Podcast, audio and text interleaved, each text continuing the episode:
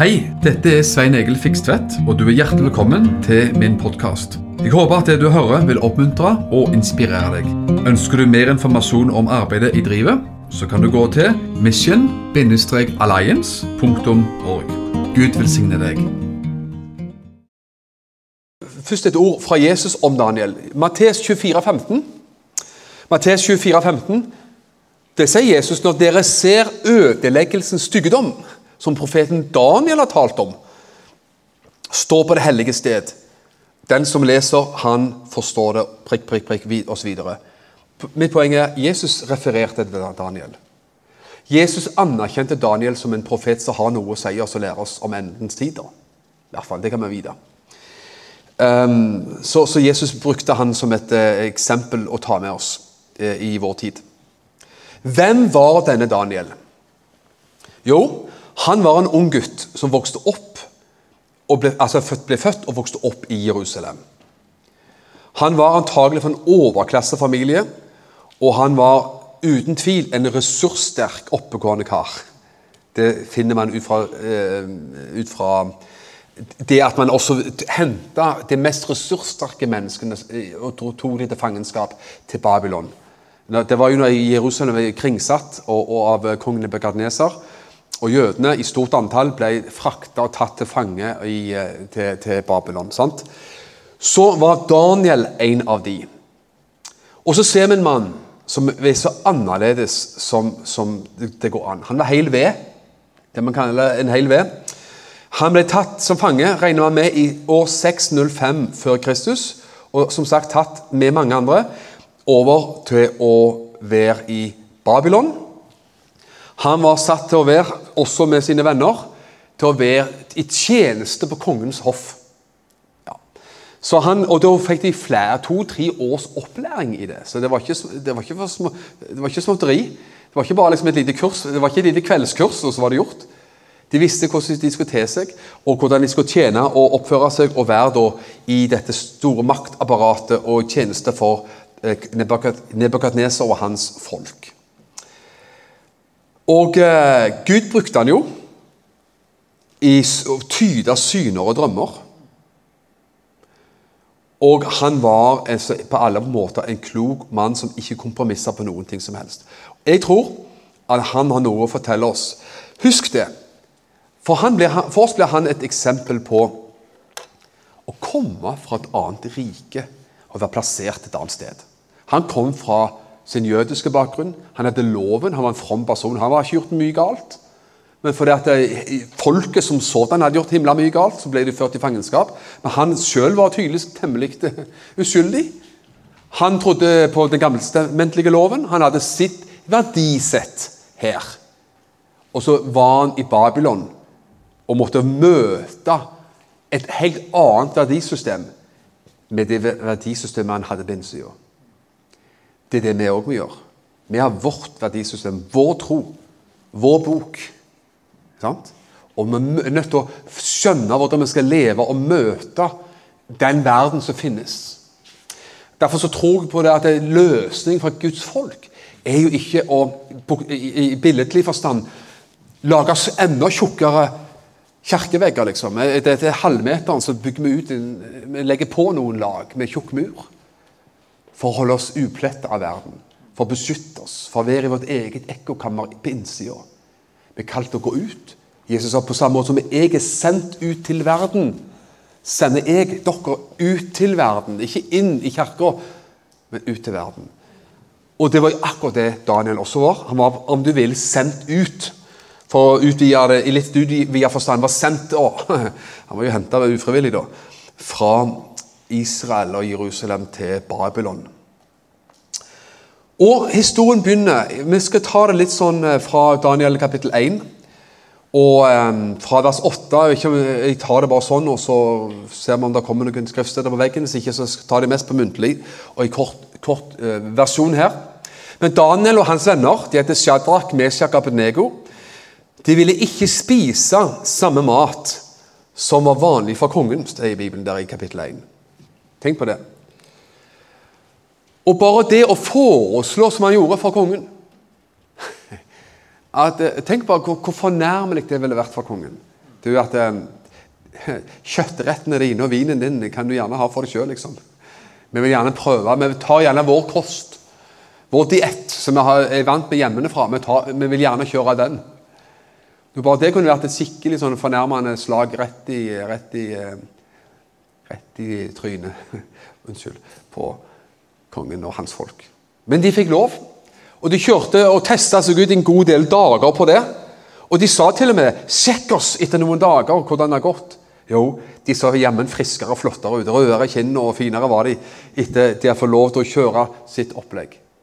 Nå sier ikke at du og meg skal finne vår egen Det får du gjøre som du vil. Jeg gjør som jeg vil, hva, hva slags diett man, man kjører, og hva du drikker og ikke drikker.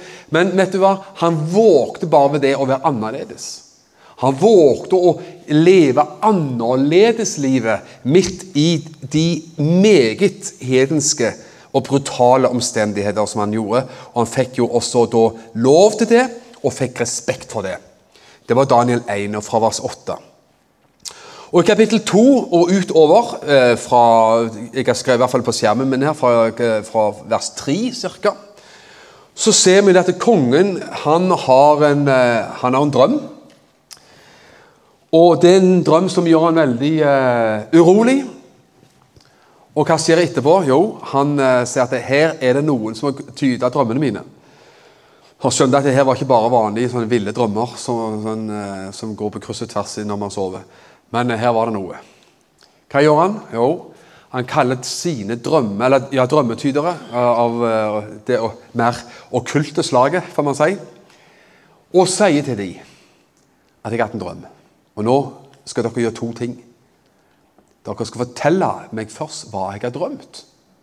Og deretter skal dere komme med tydningen.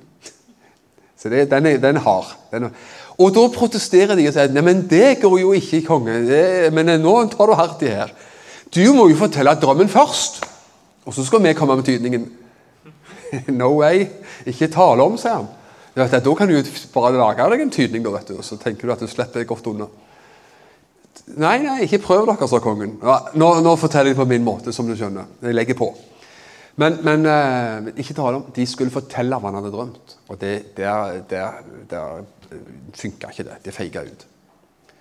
Og vet du hva? Kongen han var i ferd med å sende sine folk til å slå dem i hjel. Faktisk. Og hva det står? Så kommer Daniel og redder dem og går imellom og taler og roer ned gemyttet og hissigheten til kongen. faktisk. Og Da står det så fint Hvis jeg har det her, det har man i Daniel 2, 14. Nydelig vers. Husk at dette er annerledesmannen som jeg tror vi kan lære noe av. Daniel svarte Ariok, og det var kongens kommandant som var utsendt for å slå i hjel deres egne drømmetydere. Daniel svarte Ariok med råd og takt. Det står i 2011-oversettelsen 'kloke og velvalgte ord'. 1978-oversettelsen sier 'kloke og forstandige ord'. Han svarte med kloke og velvalgte ord. Skjønner du? Han, I sin snillhet Han, han, kunne ha sagt det. Har dere disse dumme, okkulte, djevelske drømmetydere? Få hår hodet av dem, så er vi ferdige med dem. Han gjorde ikke det. Han vandra kjærlighet, han vandra klokskap. Han redda livet på dem. Kanskje det var bedre i det lange løp. Han roa det ned. Og ikke bare det. Det som er enda bedre, det er at han sa det I'll fix it. Så han søkte Gud og sa at jeg skal søke Gud for å finne ut hva ikke bare tydningen er, men også hva drømmen er. Skjønner, Da har du med Gud å gjøre. Og skjønner, Jeg tror at Gud vil bruke oss på forskjellig vis i denne verden for å skape forandring. Det tror jeg er så, så viktig. Ok, så Han, han forteller da i kapittel 2, vers 16 blant annet, Han gikk da for å fortelle om drømmen som kongen hadde eh, hatt, og deretter altså tydningen på den drømmen. Og Fra kapittel 2, vers 31 og utover så skal jeg også ta det ganske sånn på muntlig. Han sier til kongen du kongen, når du sov og drømte, så så du en svær statue, sa han, av en mann. Og så sier han at den var svær, og den var litt uh, merkelig, den statuen, statuen. For hodet var av gull. Brystet og armene var av sølv. Magen og hoftene var av kobber. Og føttene var de, blanding, en dels jern og dels leire. Veldig sånn lagdelt. liksom, det, det begynner med gull, og så var det sølv, og så var det kopper, og så var det jern og leire. Og så skjønner man ut fra også det som kommer da i tydningen, at dette handler jo om forskjellige imperier. Der også kongen i den gangen var ett av de imperiene. sant? Gullet, hodet av gull var det, altså det babylonske riket til Nebukadneser. Så kom det persiske riket, det greske riket og det romerske riket. Og det er forskjellige riker som da har vært i historien. Sant? Men så sier han etterpå at der, der var noe, du så noe mer. sier han. Vet, da har du fått åpenbaringen. Du så noe mer. Og Det er vel så viktig, viktigere for oss, akkurat det der. For på siden av den statuen den sto liksom inntil et svært fjell. Og så skjedde det noe som sier i Norge og Vestlandet stadig vekk. Da løsna en skikkelig eh, saftig, feit, svær stein, fjellbit fra fjellet. Og falt over statuen, som representerte alle rikene, jordiske riker. Og knuste den statuen komplett og ble til støv. Og så sier Daniel at så kom vinden og bare blåste det bort. Vekk med det. Og den steinen som hadde knust alt det der andre, den vokste opp og ble til et svært fjell. Og så sier han fordi det skal komme etter alle imperier, etter alle menneskelige riker, skal det komme noe annet. Og det er Guds rike. Guds rike. Det er et rike som aldri skal ta slutt som vokser, og som tydeligvis skal slå ut alt annet og bestå til evig tid. Det var litt av en drøm, og litt av en tydning. Og, og ikke minst den tydningen og ikke minst den steinen, det, det, det går rett inn til oss. For det riket er du og meg en del av i dag.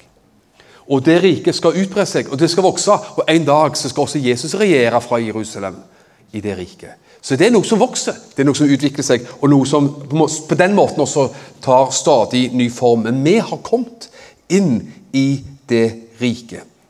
Og det er jo bare fantastisk at vi Og Da leser jeg bare full fart litt sånn fra Daniel 2, 44 til 45. I disse kongenes dager skal himmelens Gud oppreise et rike som aldri i evighet skal bli ødelagt. Nå hadde statuen blitt ødelagt. Men nå kommer det et rike. Riket skal ikke overlates til noe annet folk. Det skal knuse og gjøre ende på alle disse andre rikene, men det skal selv bli stående til evig tid. Og evig tid betyr nettopp evig tid. Ja, vi, vi, vi går ikke videre på det, men kunne gjort det. Men du skal få et, eh, et nydelig vers fra Hebrene 12 i, mens vi holder på i Daniel også. da. Hebrene 12, 12 28. Hebreerne 12,28 sier siden derfor vi får et rike, du. Vi får et rike som ikke kan rokkes.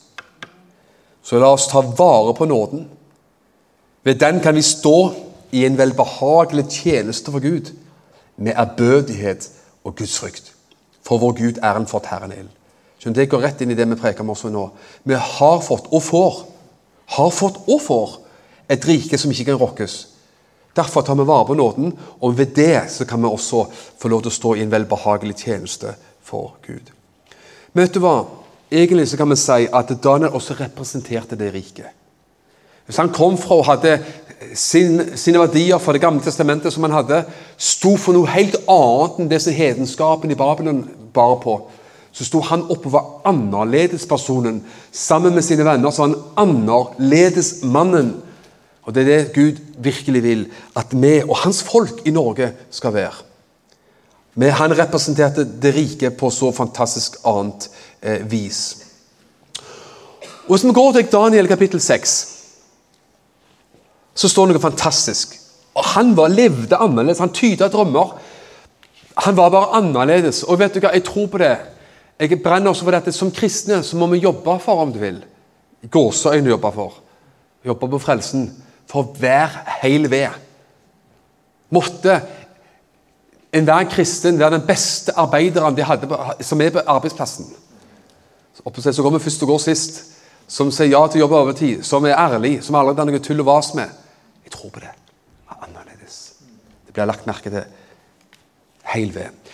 Her står det Daniel 6, vers 4-6. Daniel utmerket seg framfor de andre ministrene og satrapene, for det var en usedvanlig ånd i ham. Eh, fint, eh, vakkert skrevet. Høy ånd står det der ja, på den andre oversettelsen. Her står det 'usedvanlig ånd i ham', og kongen tenkte på å sette ham over hele riket. En jødisk ung mann som da kongen vel synes var, det bodde så mye bra i at han ville ta han til å virkelig sette den høyt, høyt, høyt opp. Da prøvde ministrene vers 5, og satrapene å finne noe å anklage Daniel for i hans embetsførsel. Men de klarte ikke å finne noe å anklage ham for, eller noe galt å si om ham. Må Gud hjelpe oss at vi må være sånn. Han var, ikke, han var ikke fullkommen, bare Jesus som har vært fullkommen. Men du ser at han var en mann med kvalitet og karakter. For han var pålitelig, og de fant verken forsømmelse eller feil hos ham. Så de tenkte la oss finne noen, noen sånne moralske brister og litt sånne unnasluntringer på han. De fant ingenting. Så da måtte de ta det, ta det videre. Vers 6. Da sa mennene, vi finner ikke noe å anklage denne Daniel for. Hvis vi da ikke finner noe hos ham som angår hans religion, står det i denne oversettelsen, eller Guds styrkelse, står det her i denne her, ja. Det er òg bra. Hans religion, gudsdyrkelse. Ting som har med gudsforholdet å gjøre. Hans tro. Da må vi ta troen hans, så vi ikke kan ta karakteren hans og arbeidsmoralen hans. Så får vi ta og virkelig eh, la det svi skikkelig på troen. Så, det ble, nå tar vi litt sånn, litt sånn eh, lesen vers, delvers. Vers 7 til 11. Da stormet ministrene og satrapen inn til kongen og sa til ham Leve, eh, lenge, eh, le, lenge, leve konge Darius, Darius. Alle ministrene og guvernørene, satrapene, rådsherrene og stattholderne har holdt råd og blitt enige om at kongen bør utstede en forordning med et strengt påbud om at enhver som i 30 dager ber en bønn til noen annen gud eller noe annet menneske enn deg, konge, skal kastes i løvehulen. Da får de tatt han. Utsted nå et slikt påbud, konge, og sett opp et skriv som ikke kan tilbakekalles, etter medernes og persernes uforanderlige lov. I samsvar med dette satte Dareios opp et skriv med et slikt påbud, så han gikk med på det, vet du. Det var ikke bra. Vers 11 er jo fantastisk, hvis vi får opp det. Så snart Daniel fikk vite at skrivet var satt opp Han gikk på oppslagstavla og fant det. Gikk han hjem i takkammeret, står det her, og salen ovenpå, hadde han åpne vinduer som vendte mot Jerusalem. Tre ganger om dagen falt han ned på kne for sin Gud med bønn og lovprisning, for slik hadde han alltid gjort. Her er det mye å si. Han fikk et forbud mot å be til Gud, Israels Gud. Ja, Abrahams, Jakobs, Isaks, Is, Abrahams, Isaks og Jakobs Gud.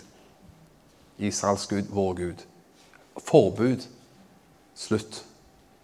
Og Da er mitt spørsmål hva gjorde han? Jo, han leste jo, han leste jo at Jaså, du. Det var da veldig. Hva gjorde han? Han gikk på rommet sitt og uh, gjorde som han alltid hadde gjort. Hadde det vært oss, hadde det vært du og meg, oss gode nordmenn forsiktige nordmenn og snille og lydige nordmenn. Hva vi hadde gjort? Vi hadde sikkert tenkt ja, men det var, det, vi, vi, vi, vi, skal nok finne en løsning, hadde vi sagt. Det, den, veldig, den, sitter veldig godt hos mange. Vi finner en løsning. Og vet du hva den norske løsningen hadde vært? Jo, men, men, vi skal ikke be til babylonske guder. sånn, Vi får nå holde oss til uh, vår Gud. Men vi trenger ikke be så høyt. Vi kan gjøre det litt rolig og litt stille og litt anonymt, kanskje. Kanskje vi skal bare trekke oss litt forsiktig tilbake igjen. Og det er jo det kristne har gjort i Norge i alle år. Bare litt forsiktig, litt tilbaketrukket, litt mer eh, sant, forsiktig og, og, visdom og, og balanse og alt man bruker som en unnskyldning. Men Daniel gjorde det. Han, han leste forbud og straffen om straff, straffen og alt. Og jaså, ja, det var Ja. Så fortsatte han og ba til Gud tre ganger mot Jerusalem. Med den konsekvens at han ble da kasta til løvene. Det er ganske sterkt. Og Da tenker jeg at han kompromisser, Mitt punkt er dette. Han kompromisser ikke på sin tro. Vi leste innledningsvis han kompromisser ikke på mat. Å drikke i hvert fall for en periode, og det, var, det er én ting. Sant? Og han tyda tyder drømmer. Halleluja, liksom, mirakler og priser Guds sterke ting. og Tro på det også, vet du. Vet du hva? Når det bores til slutt inn på om du skal lukke nebbet igjen og vende ditt hjerte bort fra Gud, da går den røde linja. Ikke sant? Og hva gjorde han? Han fortsetter å be og søke Gud og lovprise og ha sin dyr, Guds dyrkelse i, ånd, Kjøre det videre som han alltid hadde gjort. ikke det er fantastisk? Slutten av vers 11. Vi leser vers 11 en gang til. Så snart Daniel fikk vite at skrivet var satt opp, gikk han hjem. I takkammeret, står det på min det er litt rart, salen ovenpå høres bedre ut. Hadde han åpne vinduer. Han åpne opp vinduene sine og vendte mot Jerusalem. I det minste hadde du og meg ikke åpna vinduene. Alt vinduene igjen. og Krøp under dyna.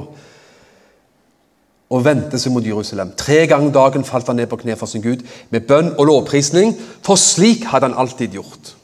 Og var som sagt konsekvensen løvehulen neste skritt og neste steg. Det var Daniel. Våg å stå som Daniel. Skal få vi i hvert fall en, eh, en, hendelse til her fra Daniel. Det er jo kapittel 5, så vi går liksom tilbake en lite kapittel. Og da er det sånn jeg, jeg, skal ikke lese så mye, jeg skal heller fortelle det. En av kongens sine sønner som uh, har festmåltid med en haug med embetsmenn i, i riket. Svært opplegg. Spising og drikking og god stemning. Julebord på høyt plan. Og som ikke det var nok, så spiste de draktig av alt de hadde stjålet av gull, kar og gullskåler og gullkopper i tempelet i Jerusalem. Så det, de, de, tok han helt ut, for å si det sånn. Og så kommer denne hånda, denne fingeren som skriver på veggen. Og da, da ble de skrekkslagne. Da tenker jeg at det, nå, det, Da blir det fort edru, antagelig. Altså, men eh, ikke, da, da, var det liksom slutt på festen. Det var ikke mye feststemning når de får skriften på veggen. Det er der vi har ordet 'skriften på veggen', som man ofte bruker, ikke helt dagligtale, men av det bruker. Det mye av norsk dagligspråk også som har med, liksom, eh, kommer fra Bibelen. De så Skriften på veggen. Og hva er det da de gjør? Jo, de må finne hvem kan tyde dette her. Ja, hvem kan tyde? Hvem tror du de kommer på? Daniel. Og jo da, vi kjenner Daniel. Han har gjort det før. Han har kommet med Guds ord før, så de gjør nettopp det. Og vet du hva? Skal vi se her, Anne. Vi skal lese fra vers, kapittel 5, vers 16. Så sa han, 'Jeg har hørt om deg', sier han. Han snakker til Daniel. 'Jeg har hørt om deg at du kan gi tydninger og løse vanskelige spørsmål. Hvis du nå kan lese Skriften og gjøre kjent for meg tydningen på den, skal du bli kledd i purpur og få gullkjede rundt halsen. Han ble lovt gull og grønne skoger, for å si det sånn. Og du skal herske som den tredje i kongeriket. Så han skulle få en kraftig lønnspålegg altså, og forfremmelse. Og Da må jeg si at jeg bare nyter det som Daniel sier. Da, altså, han var bare bra, denne her. Da svarte Daniel og sa til kongen.: Gavene dine kan du ha for deg selv, og du kan gi foræringene dine til en annen. Vet du hva? Eh, vi trenger sånne folk. Vi trenger å være sånne folk. Jeg sier ikke at Hvis du får forfremmelse på jobben, får lønnspålegg, så sier jeg ikke at du plutselig skal nekte for det. Poenget her skjønner man. Han lot seg ikke kjøpe. Altså Hans gaven fra Gud og det å tjene folk og det å tjene Gud kjøpes ikke for gull. Nei. Han vil nekte å være korrupt. Han nekter å bli kjøpt. Så han sier at vet du hva, gavene kan du ha for deg sjøl. Forordningen, forfremmelsen kan du gi til noen andre. Jeg bryr meg ikke, sier han. Men tjene, tjene Gud skal jeg gjøre. Søke Gud for tydningen, det skal jeg gjøre. Og det fikk han også. Og det var jo at det, at det, komme, det, kom, det ble et domsord ut av det. Og du er blitt veiet og funnet for lett, osv. Så, videre. Så det kom et domsord ut av det. Ok? Og da er, da er opplegget det vet du, at eh, man ser jo i denne Daniel her en sånn annerledes person. Og Jeg brenner sånn for at vi skal være annerledesfolket i Norge. med hele vårt vesen, med vår moral, at man er annerledes. Vi kjøper så vi gjør ikke rare triks og rare svinger og snarveier for, for å gjøre noen eh, kroner her og der, altså. Halleluja. Man trikser ikke med stortingsleiligheter og andre ting for å gjøre noen kroner. Jeg måtte bare ta det med som en artig digresjon.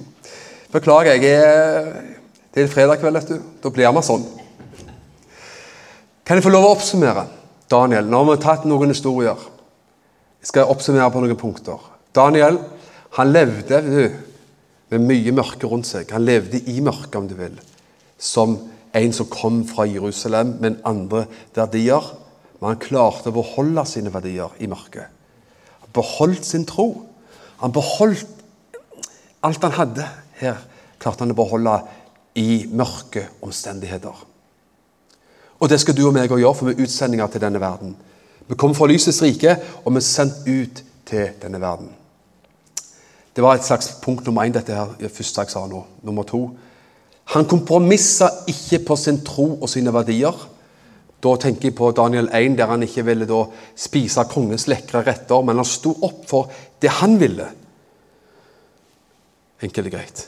Og da tenker Jeg jeg sier ikke at det der får den enkelte gjøre som han sjøl vil. vet du eller hva som blir rett for deg. Jeg skal ikke si til alle, jeg sier ikke at du plutselig skal bare slutte å spise kjøtt og bare spise grønnsaker. Du får, om du vil være vegetarianer, veganer eller noe annet, vær det du vil for meg. Men la meg få lov til å spise burgeren min av og til. Og litt fisk. For å være snill, eh, for å være helselig og god. Men vet du hva? Og, og, og hva, hva, du, hva, du, vil drikke og ikke drikke, og ha i glasset, det får du finne ut sjøl. Men vær annerledespersonen.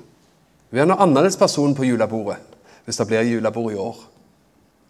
Halleluja. Nummer tre Var det ikke nummer tre? Men, jo, jeg har glemt å skrive nummer her. Nummer tre, tror jeg. Han levde i en personlig relasjon til Gud. Og det er grunnlaget for oss. En personlig relasjon til Gud. Det vi leste nettopp i Daniel 6, at de bøyde sine knær tre ganger om dagen og ba og lovpriste framfor Gud. Og sier heller ikke at du skal be tre ganger til dagen, og sånt, men vet du hva, det å finne sin plass Da snakker vi virkelig om et bærekraftig trosliv. Der har du det. Altså Vær en ivrig bibelleser. Møter, undervisning. Vær brennende og sulten på de ting som har med Gud å gjøre. Og det, det, gjør man jo sammen med alle de hellige i menighet, men også aldri glemme det private livet med Gud ensomme, er, eh, skjulte livet med Gud. Det er bare oss og Herren. Begge deler hører hjemme. Det er helt private og helt liksom stille, eller helt private og hemmelige livet med Gud, men også det som man har sammen. Fire, vel. Punkt nummer fire, tror jeg. Han ble brukt av Gud i tydning av drømmer og syner. Det har vi jo også lest. Dette med støtten og finger, eh, skriften på veggen og alt det der, så har vi jo lest at han, Gud brukte han. Gud brukte han, hadde sitt liv i Gud. Gud brukte han, og Gud kan, og Gud vil, bruke deg og meg. Ja. Sånn som denne politimannen jeg snakket om. Så tenker jeg Ikke bare for å sette håndjern på folk, men heller legge hendene på folk. Så kan det hjelpe ganske mye, det også. Han var vis og taktfull. Det var jo også helt i begynnelsen. Han avverga blodhenrettelse av drømmetyderne som ikke dukte. Og han svarte kongen, han svarte kongens kommandant med råd og takt. Vet du hva, venner? Av og til kan man få inntrykk av at det, når man snakker om å være en kompromissløs kristen og uh, alt det man prater om i dag, så har jeg mange ganger møtt mennesker som, som tror at det er det samme som å være nesten vulgær. Altså være uhøflig og ufin og, og bli mest mulig kantete og, og liksom uvennlige. Det trenger det ikke være, og det bør det ikke være. Er du enig i det? Går det? Jeg tenker jeg, Men det er gjerne bare meg, eller sånn som jeg tenker. Når man av og til møter mennesker og hører på mennesker i media, det kan være politikk eller teologi eller hva som helst, så tenker jeg av og til Han eller henne er jeg faktisk talt ganske enig i. Liker det de sier. Men hvorfor kunne de ikke klare å være litt mer høflige, litt mer vennlige? Være bitte litt mer faktabasert? Ha litt mer taktfullhet istedenfor å være mest mulig uvennlig? å bruke mest mulig ukvemsord. Jeg overdriver kanskje. Er du enig? Jeg trenger ikke være enig. Men vet du hva? vi kan være kompromissløse, men vi kan også være taktfulle. Taktfulle. Råd og takt. Ikke dumt å ha med seg. Kommer, man kommer lenger om man kommuniserer på en god måte. Om man lærer seg å velge rette ord. og ikke skal klok passe på klokka også. Når, og alle av oss sikkert følger med på visse sånne diskusjoner på Facebook. Jeg leser kristne aviser, og i hvert fall en av de avisene jeg leser, er det sånn en eh, type sånn, eh, sosial, Hva heter det? Diskusjon. altså Folk skriver inn sine kommentarer og alt det der. I kristne aviser. Og skal si det er mye rart som kommer fra kristne, og folk jeg kjenner, folk som preker og eh, og alt mulig, som har behov for, virker det som, at man prøver å lete opp de verste ord og uttrykk man kan komme med. liksom. Det, det, man skal liksom vri og vrenge det, det verste vokabularet for å gjøre det verst mulig. Er det vits? Eller kan man føre en diskusjon på et mer verdig plan og likevel komme fram med sitt budskap? Det var mitt spørsmål. Det var bra. Takk skal du ha. Det fikk en, som, en dame som var veldig enig i det. Fordi at vi har et budskap, og det budskapet det står vi inne for. Men det, det, må vel gå an å være tydelig på Guds ord, og radikal og konservativ, eller hva man enn måtte kalle det. Og være vennlig samtidig. Hvor står det i Bibelen at du ikke skal være vennlig? Det står faktisk det motsatte. Amen. Deres, skal være, deres tale skal alltid være vennlig, krydret med salt. Nummer siste, siste punktet her Hvor mange punkter har vi tatt? Var det fire? Jeg tror det. Nummer fem. Han lot seg ikke smigre og bestikke. Altså Sølvet og forordningene og promoteringen din, det kan du ha for deg sjøl, sa han. Men eh, tydning skal du få. Han lot seg ikke bestikke. Åh, man må ikke være Det vi har, er ubetalelig. Vi, vi er ikke korrupte mennesker når det gjelder penger, sølv eller gull. Vi må ikke være det. Vi må være tvers gjennom hel ved og få nåde av Gud til å være det. Og jobbe med det. Så vi kan være troverdige fullt ut på, på det vi holder på med. Jeg tror det er så viktig at Jeg tror ikke vi skal um, Vi lander enormt fort hvis jeg klarer tida mi, vet du. Hvordan skal vårt liv se ut i 2021, i 2022, 2023 og framover? Jeg tror at det vi har snakket om i dag, kan gi oss en peiling på det. At vi lever et liv som er evangeliet. Som at vi preker med våre liv, og får nåde også det preker med vår munn også. la oss vandre i nær Jesus, vandre i nær relasjon til Gud og Hans ord. Nær Jesus og nær Hans ord. Og vi vandrer i kjærlighet og tjenerskap overfor alle mennesker. Halleluja for det. Takk for at du har lytta til denne podkasten. Jeg ønsker deg en velsigna god dag.